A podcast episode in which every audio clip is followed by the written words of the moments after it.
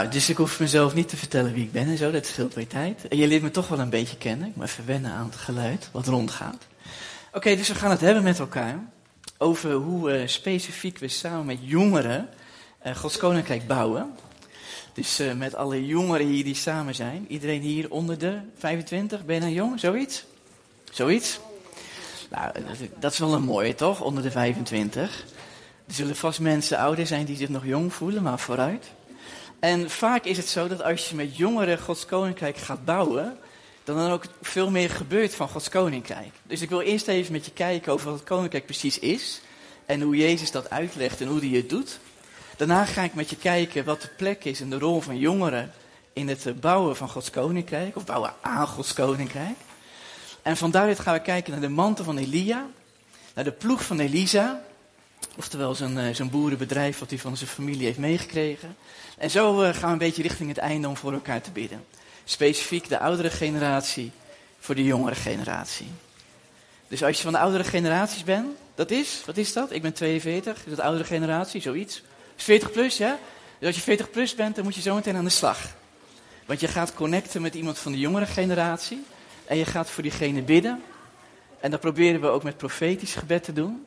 En zo proberen we de jongeren aan ons te binden in het koninkrijk van God te bouwen. Want zonder de jongeren gaat het gewoon niet lukken. Oké, wat is het koninkrijk van God? Als je de eerste slide opzet, dan kunnen we meteen meekijken. En wanneer Jezus zijn werk begint in Israël 2000 jaar geleden. Als je Jezus nog niet kent, hij leeft in ieder geval 2000 jaar geleden hier op aarde. En dit is eigenlijk zijn, zijn main message. Dit is zijn allerbelangrijkste boodschap. Hij zei: Gods nieuwe wereld, dat noemen we ook wel Gods koninkrijk. Gods nieuwe wereld is dichtbij. Het is heel dichtbij gekomen. Je ziet het nog niet overal om je heen, zodat je het als het ware kan bewijzen of meteen zichtbaar kan krijgen. Maar het is zo dichtbij dat je het kan ervaren, dat je het kan voelen. En dat je met elkaar vanuit Gods nieuwe wereld nu al hele mooie dingen kan doen in deze wereld. Een heleboel goede dingen. Gods nieuwe wereld is dichtbij. Geloof dat goede nieuws, dus vertrouw erop dat jij er ook een rol in speelt. En dan is het ook misschien het moment om je leven te draaien richting Jezus en zijn koninkrijk. Nou, dit is dus hoe Jezus het koninkrijk uitlegt. Maar het is nog leuker om te zien hoe Jezus het koninkrijk doet. Want als wij zo meteen samen met jongeren Gods koninkrijk willen doen, dan willen we graag weten, wat gebeurt er dan? Hoe, hoe doe je dat? Nou, volgende slide. Dat is een moment dat Jezus in een uh, wat ouderwetse kerk aanwezig is. En in die ouderwetse kerk zijn allerlei regels. En op een gegeven moment zit er iemand in de kerk die verlamd is. En Jezus die heeft een bepaalde rol in die ouderwetse dienst. En hij roept die man naar voren, hij zet hem in het midden. De mensen van de kerk zijn het niet zo mee eens, want het gaat tegen hun regels in. Uh, ik, ik dien zelf een ouderwetse kerk. Als je nu bij jezelf denkt, veel Sander niet zo flauw over de, over de traditionele ouderwetse kerk, maar die dien ik zelf hoor. Dus ik ben een beetje aan het geinen met mezelf nu. Maar zo was het, tegen de regels in, zet Jezus de verlamde man in het centrum van de aandacht. En hij zegt dan tegen die verlamde man, wat, wat, wat is nou makkelijker? Is het makkelijker om tegen je te zeggen, je zonden zijn je vergeven, want God wil graag je zonden vergeven? Of is het makkelijker om tegen je te zeggen, je bent genezen van je verlamming, sta op en ga verder met het leven?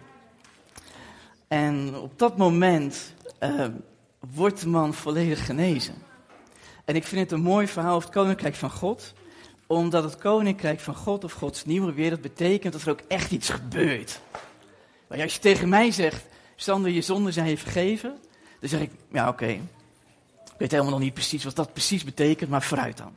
Maar als je tegen mij zegt, Sander, waar je pijn hebt in je lijf, dat is nu genezen. Sta op en ga het goede doen.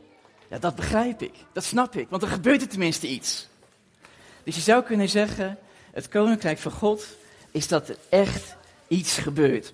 En vooral waar jongeren aan de slag willen met deze nieuwe wereld van God, waar mensen genezen worden, waar mensen vergeven worden, waar mensen bevrijd worden van, van wat ze vasthoudt, of wat ze beknelt of benauwt, of wat ze pijn doet die nieuwe wereld van God, als jullie dat willen oppakken als jongeren, als je daar als jongeren een rol in wilt hebben, dan gebeuren er echt gave dingen. Ik zie het bijvoorbeeld bij Maarten. Dit is Maarten die je nu ziet. Maarten heb ik leren kennen in mijn werk in Apeldoorn. En je ziet, ik ben een 42-jarige, dus mijn selfie is ook echt zoals 40-plussers die nemen. En Maarten die zit samen met mij in een klein café-restaurantje in Apeldoorn. En het is zo'n jonge kerel, die uh, ongeveer een paar jaar geleden tot geloof is gekomen. En wat hij nu tegenwoordig doet, hij zit allemaal op YouTube. En wat hij op YouTube doet, is dat hij allemaal filmpjes kijkt, vooral van Amerikaanse en Engelse onderzoekers en wetenschappers, omdat hij zeker wil weten dat het geloof waar is. En dan vindt hij allerlei YouTubes en hij leest er boeken over. Dus hij is gewoon, hij is gewoon 19 jaar oud. En hij weet al heel veel over hoe wetenschap je laat zien dat het geloof echt wel een goed verhaal is. En dat vertelt hij dan ook aan jongeren om hem heen in de slaperige nieuwbouwwijk waar hij in woont in Apeldoorn. Nou, dan zie ik iemand bezig zijn met het koninkrijk van God. Jezus vertelde over het koninkrijk van God en hij bewees ook dat het echt iets reëels is. Iets echts en iets goeds en begrijpelijks. En doet het Maarten gewoon ook. Dat is toch geweldig, joh. Dan zie ik het koninkrijk van God in het klein en zichtbaar worden en concreet worden. Dit is Zamir. Een andere Zamir dan onze Zamir. Hè? En Zamir die is eh, een paar jaar geleden vanuit Afghanistan gevlucht. En bij ons terechtgekomen in Apeldoorn, opgevangen in een pleeggezin. En deze uh, Zamir heeft in zijn uh, reis over de Middellandse Zee en over Griekenland en Albanië en Bulgarije naar Nederland. Hij heeft hele indrukwekkende dingen met God meebeleefd. Hoe God hem letterlijk bevrijdde wanneer bijvoorbeeld achterna werd gezeten door mensensmokkelaars. En als hij zijn verhalen vertelt, en je ziet hij is, ik denk dat Samir ongeveer 20 jaar oud is. Als hij zijn verhalen vertelt, dat doet hij meestal op zo'n zo'n gaar parkbankje in het centrale park van de Nieuwbouwwijk waar ik werk in Apeldoorn. Als hij zijn verhaal vertelt, dan zie je dat er iets gebeurt. Weet je wel? Want meestal wij Nederlanders, wij, wij zijn helemaal niet gewend dat God echt ingrijpt. Omdat ons leven zo lekker goed is, weet je wel. Ik heb nooit hoeven vluchten. Weet je wel? Ik heb af en toe uit mijn gezin. Maar voor deze heb ik nooit hoeven vluchten. Dat is, dat is voor mij niet nodig. Dat hoeft voor mij niet. Maar Samir heeft aan de lijve meegemaakt wat het met je doet als God bij je binnenkomt en letterlijk wonderen verricht. Hij vertelt verhalen over politiecellen waar hij werd geslagen en werd gebeukt.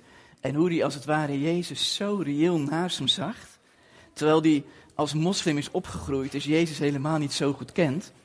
Dat hij helemaal tot rust kwam. Weet je all is well with my soul. Ja, zing het maar eens in een Bulgaars politiebureau waar op, op je wordt ingebeukt. En hij vertelt ook op zo'n manier dat jongeren echt gaan beseffen, wacht even, weet je, God, leeft echt. En hij doet echt iets. Koninkrijk van God, hoppakee, daar heb je een volgende. Heer, ik neem je even mee hoor, hoe het er echt uitziet. Dit is Jorrit. Tenminste, Jorrit zie je helemaal links. In het midden is Lisa. Lisa was net tot geloof gekomen. En Jorrit is een jonge kerel bij ons uit de kerk die ik eerder heb gediend. En uh, deze Jorrit zei tegen mij, we moeten het verhaal van Lisa, hoe zij God echt, echt heeft leren kennen, dat moeten we eruit gooien. Dat moeten jongeren leren kennen in Twente. Ik werk in Twente, een beetje naar het noorden. Dat, dat moeten meer jongeren, die moeten dat leren, leren kennen en horen hoe het is. Dus hij zet een podcastserie op.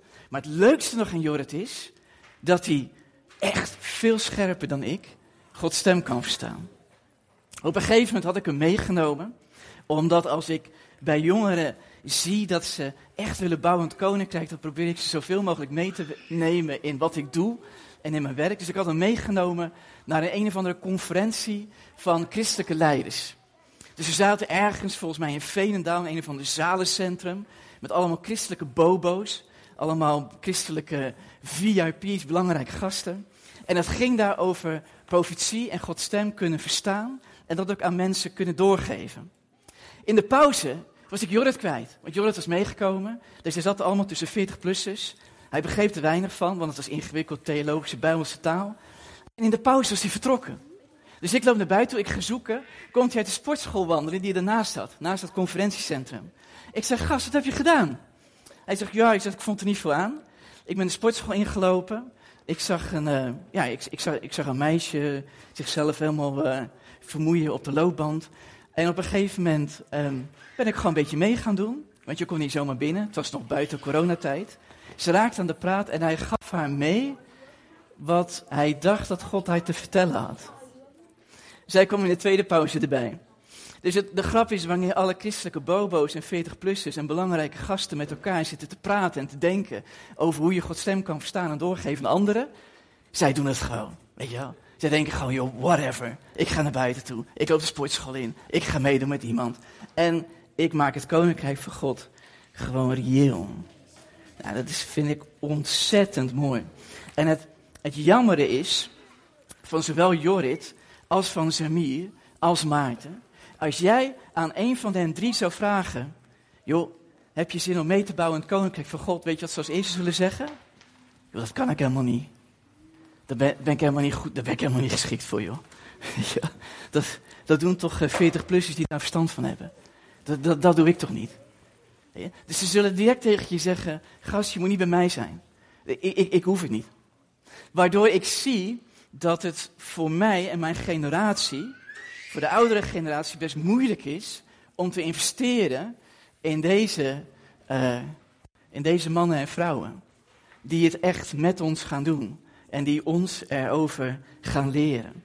Weet je wat de grap is als je naar Jezus' leven kijkt, volgende slide, en je kijkt een beetje oppervlakkig naar Jezus' leven, dan zie je dat Jezus omringd wordt door mensen. Er zijn allerlei mensen die willen dat Jezus hen geneest en vergeeft en verzoent en dicht bij God brengt en bevrijdt van kwade machten en van demonische invloeden. Een massa om hem heen. Je ziet ondertussen dat Jezus aan de slag is met een groep van 70 of 72 mensen. Die probeert Jezus een beetje te trainen en te coachen, zodat zij kunnen leren hoe hij geneest en vergeeft en bevrijdt en mooie dingen in de wereld voor elkaar krijgt. Na die 70 zie je Jezus nog meer bezig met een groep van 12. Dat noemen we ouderwetse discipelen, de leerlingen, de beste vrienden van Jezus. Waren jonge gasten van ongeveer 20 jaar oud. En Jezus traint hen nog veel meer om te kunnen doen wat hij doet, zodat Jezus als het ware overbodig wordt.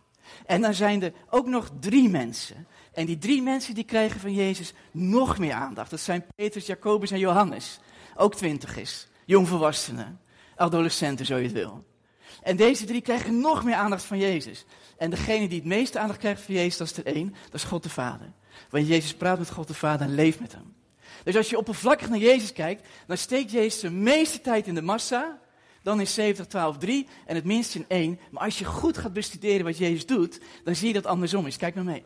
Het meeste tijd is Jezus in gesprek en aan het wandelen in de geest van God. In relatie en verbondenheid met God.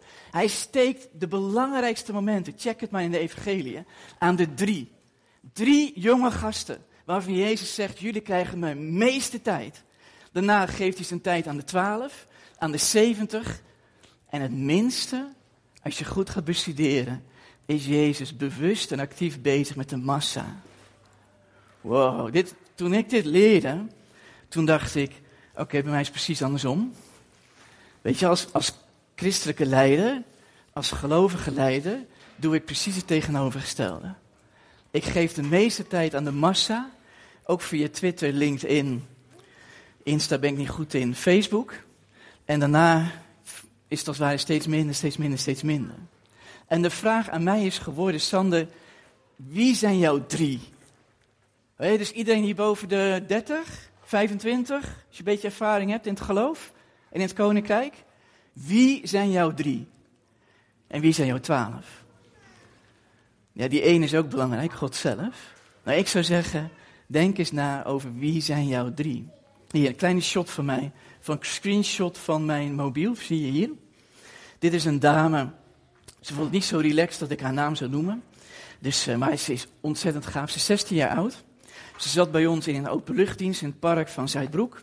Dat is de nieuwbouwwijk waar ik werk in Noord-Apeldoorn. En ze had een beeld, zoals je kan lezen, over een immense, grote, witte vleugels van een duif die zich uitstrekt over alle mensen die daar zaten in het park. Het was een soort evangelisatiedienst. Dus het was mooi, want de Heilige Geest was nodig voor mensen. Dat wilde ze aan me vertellen. Dus dat stuurt ze me. Moet je eens kijken naar mijn reactie. Oké, is mijn reactie de oppervlakkige manier waarop Jezus werkt, waarbij de massa het belangrijkste is en de drie het minste is? Of is mijn reactie zoals Jezus echt werkte, namelijk de meeste tijd besteden aan drie en de massa beetje proberen los te laten in Gods hand? Wat is mijn reactie? Zie je? Wow, mooi. Ja, oké, leuk, dat is leuk. Ik ben nu even bezig, maar ik kom erop terug. Zie je wat ik doe? Dus het is onwijs belangrijk voor ons als oudere generaties, ook als je daarbij voelt, dat je stopt met te zeggen: Wow, mooi, ik ben nu even bezig. Ik ben even bezig met de massa. Ik ben even bezig met mijn agenda. En het is heel belangrijk dat we net zoals Jezus de meeste tijd gaan besteden aan onze drie. Ja, nou oké, dus dan gaan we verder een beetje proberen te onderzoeken hoe dat dan precies gaat. Hoe, maak je dat eigenlijk concreet dan? Hoe zou je dat doen? Nou, kijk maar mee naar de jonge Elisa. Komt-ie. We gaan lezen uit de Bijbel. Uit 1 Koningen 19, vers 19.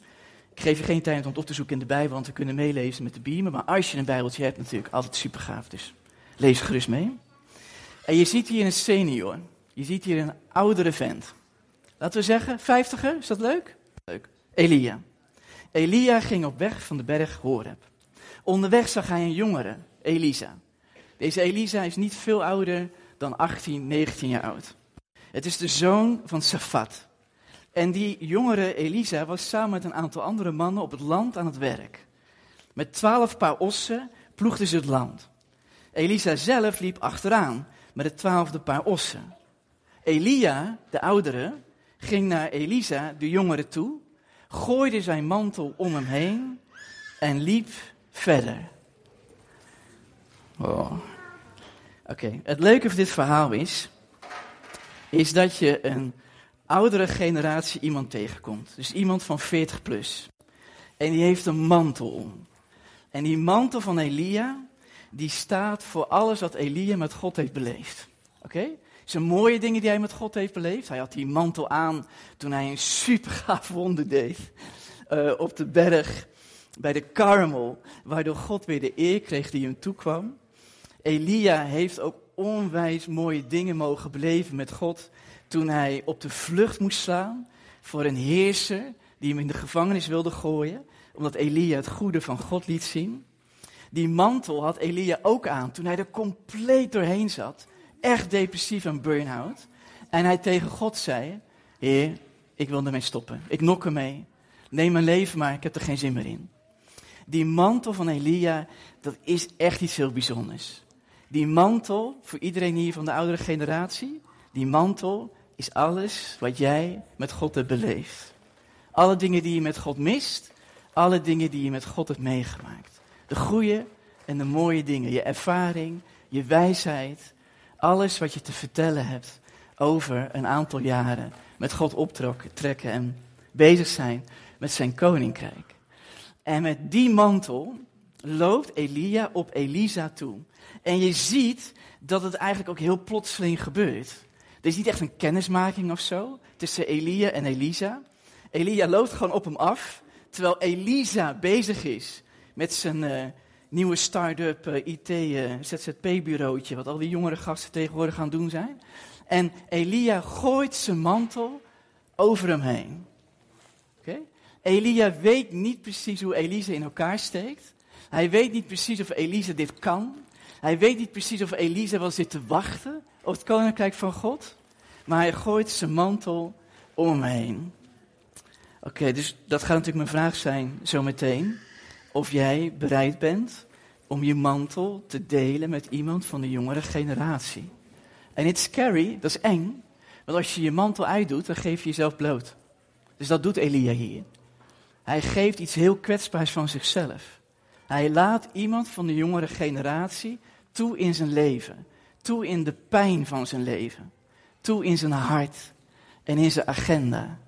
Dus het is, wel wat wat Elia hier doet. Nou, Elisa, dat is een mooie kerel. Elisa, daarvan lees je, als je de volgende slide ziet, dat hij het twaalfde paar ossen bestuurt. Dus ossen zijn stieren. Ja, ongeveer wel, ja. Dus hij, hij, hij zit helemaal achteraan. En voor hem lopen nog elf paar van dit soort beesten te ploegen. Nou, een, een klein boerderijtje in die tijd, of een, hoe een boerderijtje vaak in elkaar zit in die tijd, die had één paar ossen. Dus Elisa, zijn familie, de jongeren, Elisa en zijn familie, die hebben er wel twaalf. En Elisa is blijkbaar de leider, want hij heeft het achterste span van ossen. Dus hij begeleidt de rest. Dus als je jongeren leert kennen, als je eenmaal interesse met ze hebt en met ze hun leven wilt induikt. Ik heb nog nooit meegemaakt dat een jongere uiteindelijk niet een Elisa is. Jongeren zijn zo vaak bezig met leiding geven, terwijl ze het zelf niet beseffen. Jullie zijn zo vaak als jongeren bezig met leiding geven, terwijl het jezelf niet beseft. En we zien het niet, omdat we vaak ook in het geloven in het koninkrijk van God met jongeren leven zoals het er nu uitziet. Weet je wel? De oudere generatie zat meer die kant op, behalve sorry voor jouw kerel, je hoort er helemaal bij hoor. En de jongere generatie zat meer die kant op. Dus er zit een kloofje tussen. En daardoor weten we, kijk, zij weten niet hoe onze mantel in elkaar steekt. En wij weten niet hoe hun ploeg in elkaar steekt. Snap je? Maar God heeft het om mensen in Zutphen te genezen in Jezus' naam. En te bevrijden van het kwaad in Jezus' naam. En vergeving te schenken in Jezus' naam. En verzoening te geven.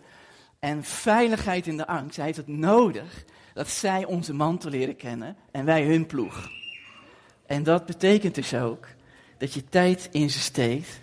En tijd voor ze neemt. Ja. Um, in het Nieuwe Testament, dat is aan de achterkant van je Bijbelverhaal, van je Bijbeltje bedoel ik, daar vind je precies hetzelfde.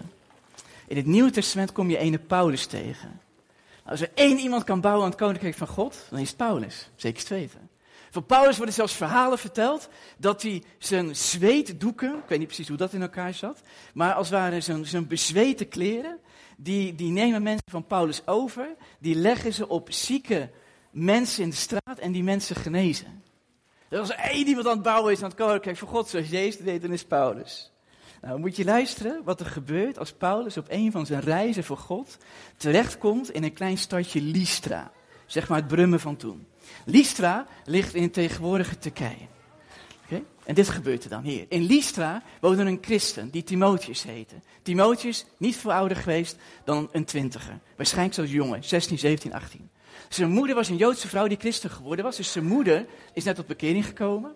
Maar zijn vader was geen Jood. Zijn vader was geen gelovige. En daarom was Timotheus ook niet besneden.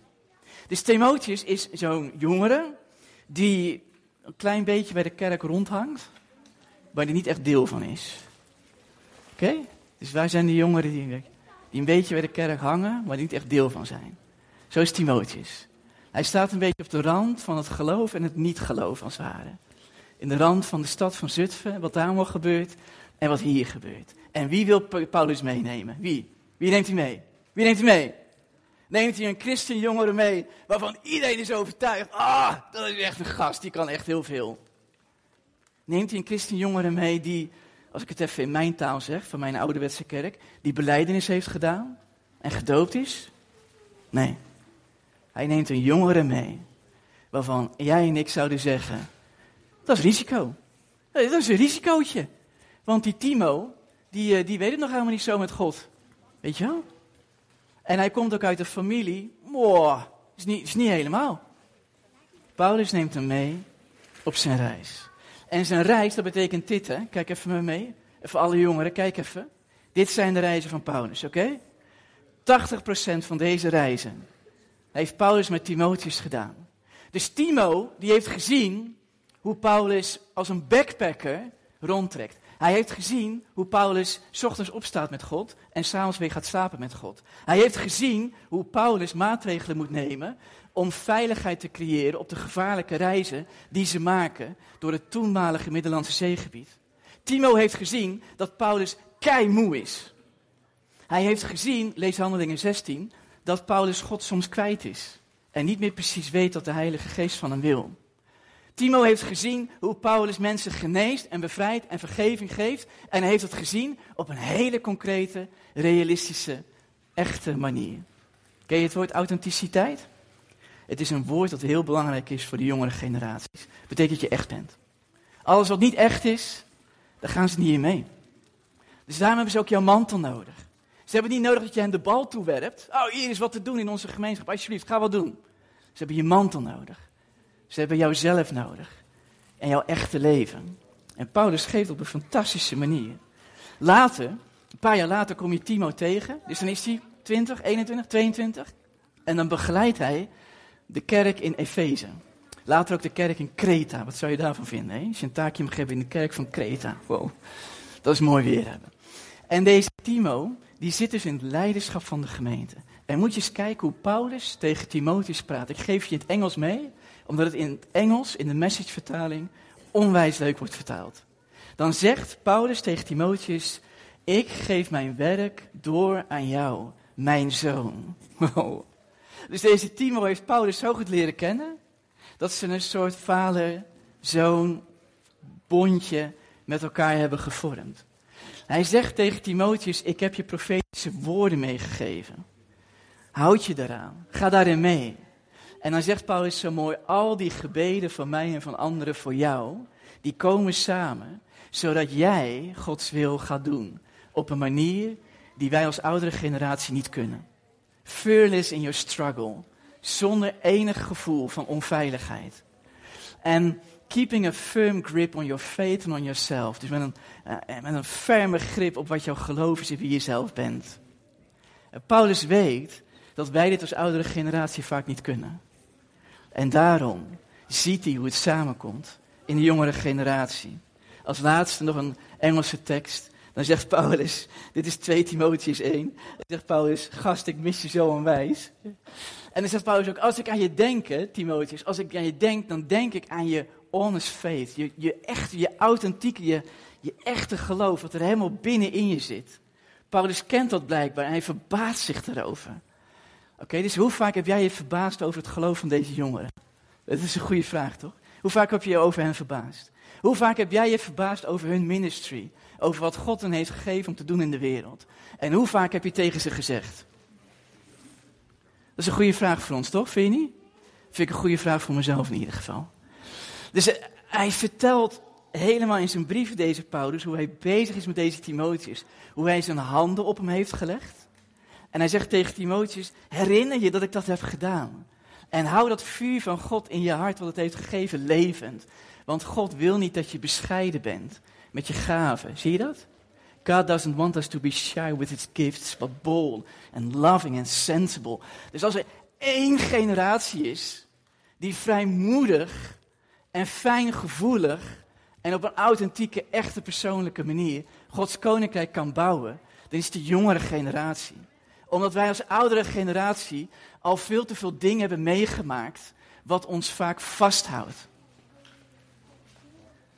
Zij kunnen ons geloof weer zuiveren en weer openbreken en weer maken, zoals Jezus het zegt, als een kind. Word als de jongere generatie en dan kan je het koninkrijk van God binnengaan. Dus dit probeer ik aan de jongeren mee te geven, om niet bescheiden te zijn. Maar goed, dan kom je dus deze tegen. Ik noem hem maar even Wes, want anders vindt ze het niet zo leuk. Ik vraag natuurlijk aan alle jongeren of ik iets mag vertellen over hen. Hè. Dit is Wes. Okay, ze woont in een gehuchtje ergens boven Noord-Apeldoorn. En zij is echt zo'n jongere die zegt, joh, joh, weet je, ik zit een beetje achterin. Ik zit een beetje achterin. Ik luister wel een beetje. Ik doe wel een beetje. Ondertussen heeft ze bij opwekking een keer Martin Koornstra aangehoord, die sprak over genezing. En is ze op de maandag op school naar een vriendin toe gelopen. Heeft in de schoolbankjes gezegd: Ik heb laatst iets gehoord van ene Martin Koornstra. En die gast vertelde je dat ik voor je kan bidden in Jezus' naam dat je genezen wordt. En ze heeft gebeden voor genezing, voor haar vriendin. En haar vriendin genas van een RSI-aandoening in haar rechterschouder. Of genas. Wat ik in ieder geval zeker weet, wat ze vertelde, is dat ze nu, drie maanden later, een stuk minder pijn heeft. Dus het is zo lachen natuurlijk, dat zo'n jongere. Eh, dat zie je toch aan de foto, weet je? Je zou toch niet zeggen dat, dat een reclamebureau haar inhuurt of zo? Of dat, eh, dat ze onwijs opvalt of zo? Maar ondertussen doet ze het werk gewoon. Laatst hebben we met haar een, een lunch georganiseerd voor zwerfjongeren in Apeldoorn. Apeldoorn is van oudsher omringd met heel veel instituten en organisaties waar jongeren uit pleegzorg worden opgevangen die het slecht hebben. Dus we hebben veel dakloze zwerfjongeren in Apeldoorn. 175, wist je dat? 175, dat is bizar. Dus laatst wat ik hoorde van Marco Bedman die eronder werkt. Dus dan organiseren we een lunch hè, met die zwerfjongeren. Ja, en zij gaat dan helemaal open. Weet je, zij gaat helemaal, ze wordt er gewoon helemaal gelukkig van. Ze deelt van God. Ze, ze bidt voor mensen. ze ontdekt iets van de bediening van de geest uit Efeze 4 voor haar leven. Dat moet ik trouwens wel uitleggen natuurlijk, hè, hoe dit zit met de bedieningen en de gaven van de geest. Oké. Nou ja, oké. Dus een beetje richting het einde dan maar. Anders, valt de jongere generatie in slaap namelijk. Dus. Ja, ja, dat is ook wat. Oké, deze Elisa. Elisa is de jongere. Elisa die krijgt dus een mantel. Hij krijgt een mantel van Elia. En waarschijnlijk heeft hij niet heel veel begrepen wat het precies inhoudt. Maar hij voelt er wel iets bij. Je leest, Elisa liet zijn ossen in de steek, liep snel achter Elia aan. Hij zei, ik ga met u mee, maar ik wil eerst afscheid nemen van mijn vader en moeder. En Elia antwoordde, doe wat je wilt. Ik dwing je niet. Oké, komt-ie. Even volgende sheet. Als je zometeen als oudere generatie naar iemand van de jongere generatie gaat en je bidt voor diegene en je probeert het ook profetisch te doen vanuit het horen van Gods stem. Wat zegt God over diegene? En dat mag je doen met alle fijngevoeligheid. In 1 Corinthians 14 vers 3, als je een profetisch woord doorgeeft aan een jongere, is het altijd opbouwend en bemoedigend en troostend. Niet veroordelend, dat is uitgewerkt aan het kruis van Jezus. Dus dat zijn even de afspraken, oké? Als we jongeren gaan bestoken met onze profetische woorden en gaven, ze zijn altijd bemoedigend, opbouwend en troostend. Tenzij je erkend bent als een echte profeet met een hoofdletter P. Maar daar moeten we nog even samen over hebben dan. Dat is wel belangrijk voor de jongere generatie, want ze worden te vaak bestookt met bepaalde verwijtachtige toon. Oké? Dat doe ik zelf ook, dus jullie doen het vast ook. Dus het is heel belangrijk dat je hem meeneemt in die 2 keer 12. Oké, ze hebben 2 keer 12 ossen.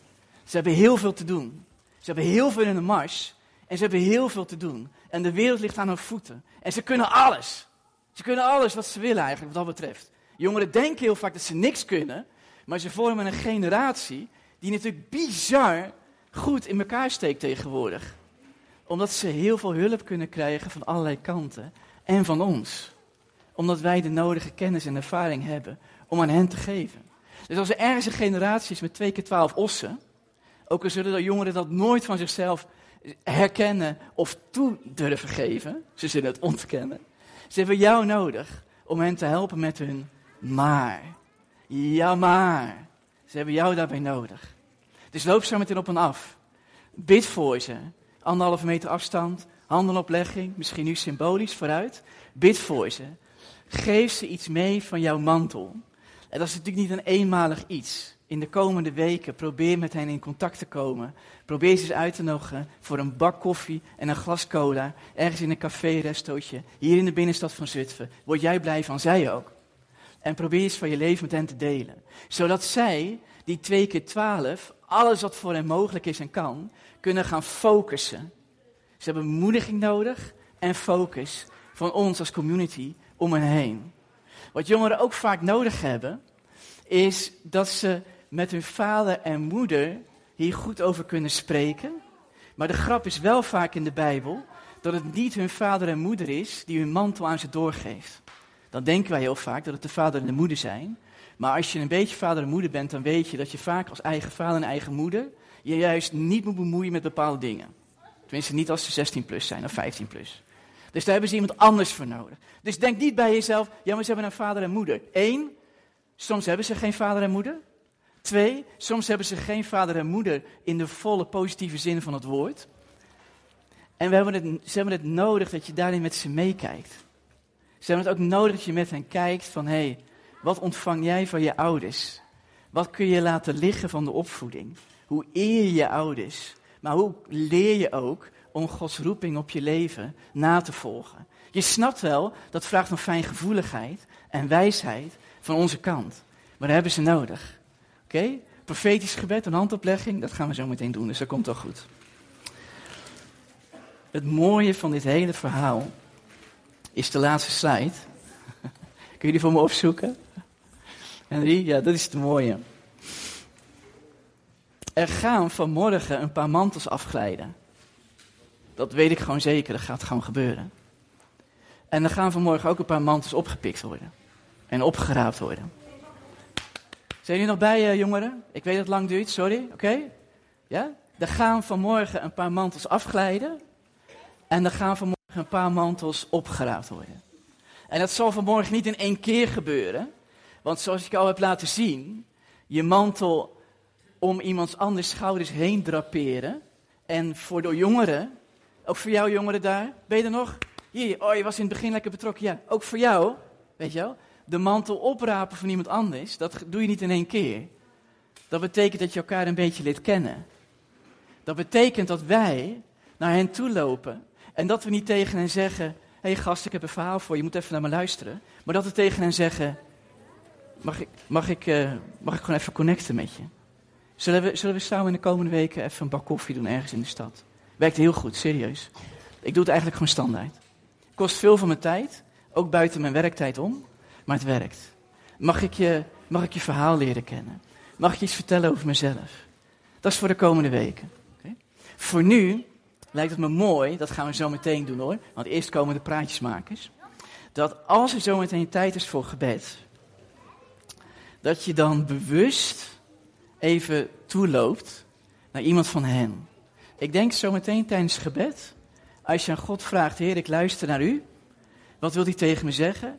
Ik denk dat er op een van de jongere generatie mensen hier een lichtje gaat schijnen. Er gaat een spotje aan zo meteen, denk ik. En dat zul je misschien op een intuïtieve manier, misschien op een geestelijke manier, zul je dat ergens voelen of aanvoelen. Reageer daarop. Ga naar diegene toe. Wellicht blijf je op anderhalve meter afstand staan en je zegt, mag ik voor je bidden? Mag ik voor je bidden? En mag ik misschien mijn handen zo zegenend, eh, zo zegenend op je, naar je toe leggen? Of als de jongen toestemming vergeeft en je vindt het wijs, dat je een hand op de rug legt, bijvoorbeeld. Oké, maar vraag toestemming aan ze. Oké? Want het is voor hen nogal wat om een mantel op te rapen, om daarmee te beginnen. En misschien kunnen we zo meteen met elkaar een mooi beginnetje maken. Met mantels van ons af laten glijden en mantels oprapen. Dat lijkt mij heel cool. Want als wij met elkaar Gods koninkrijk willen bouwen, dan hebben we die jongeren gewoon nodig. En die jongeren hebben ons nodig. Ik zie er naar uit hoe jullie samen met elkaar in Zutphen en omgeving meegemaken. Dat jongeren een mantel oppakken en van ons gaan leren hoe het concreet werkt om in Jezus' naam te genezen en te vergeven en te bevrijden en te verzoenen. Amen.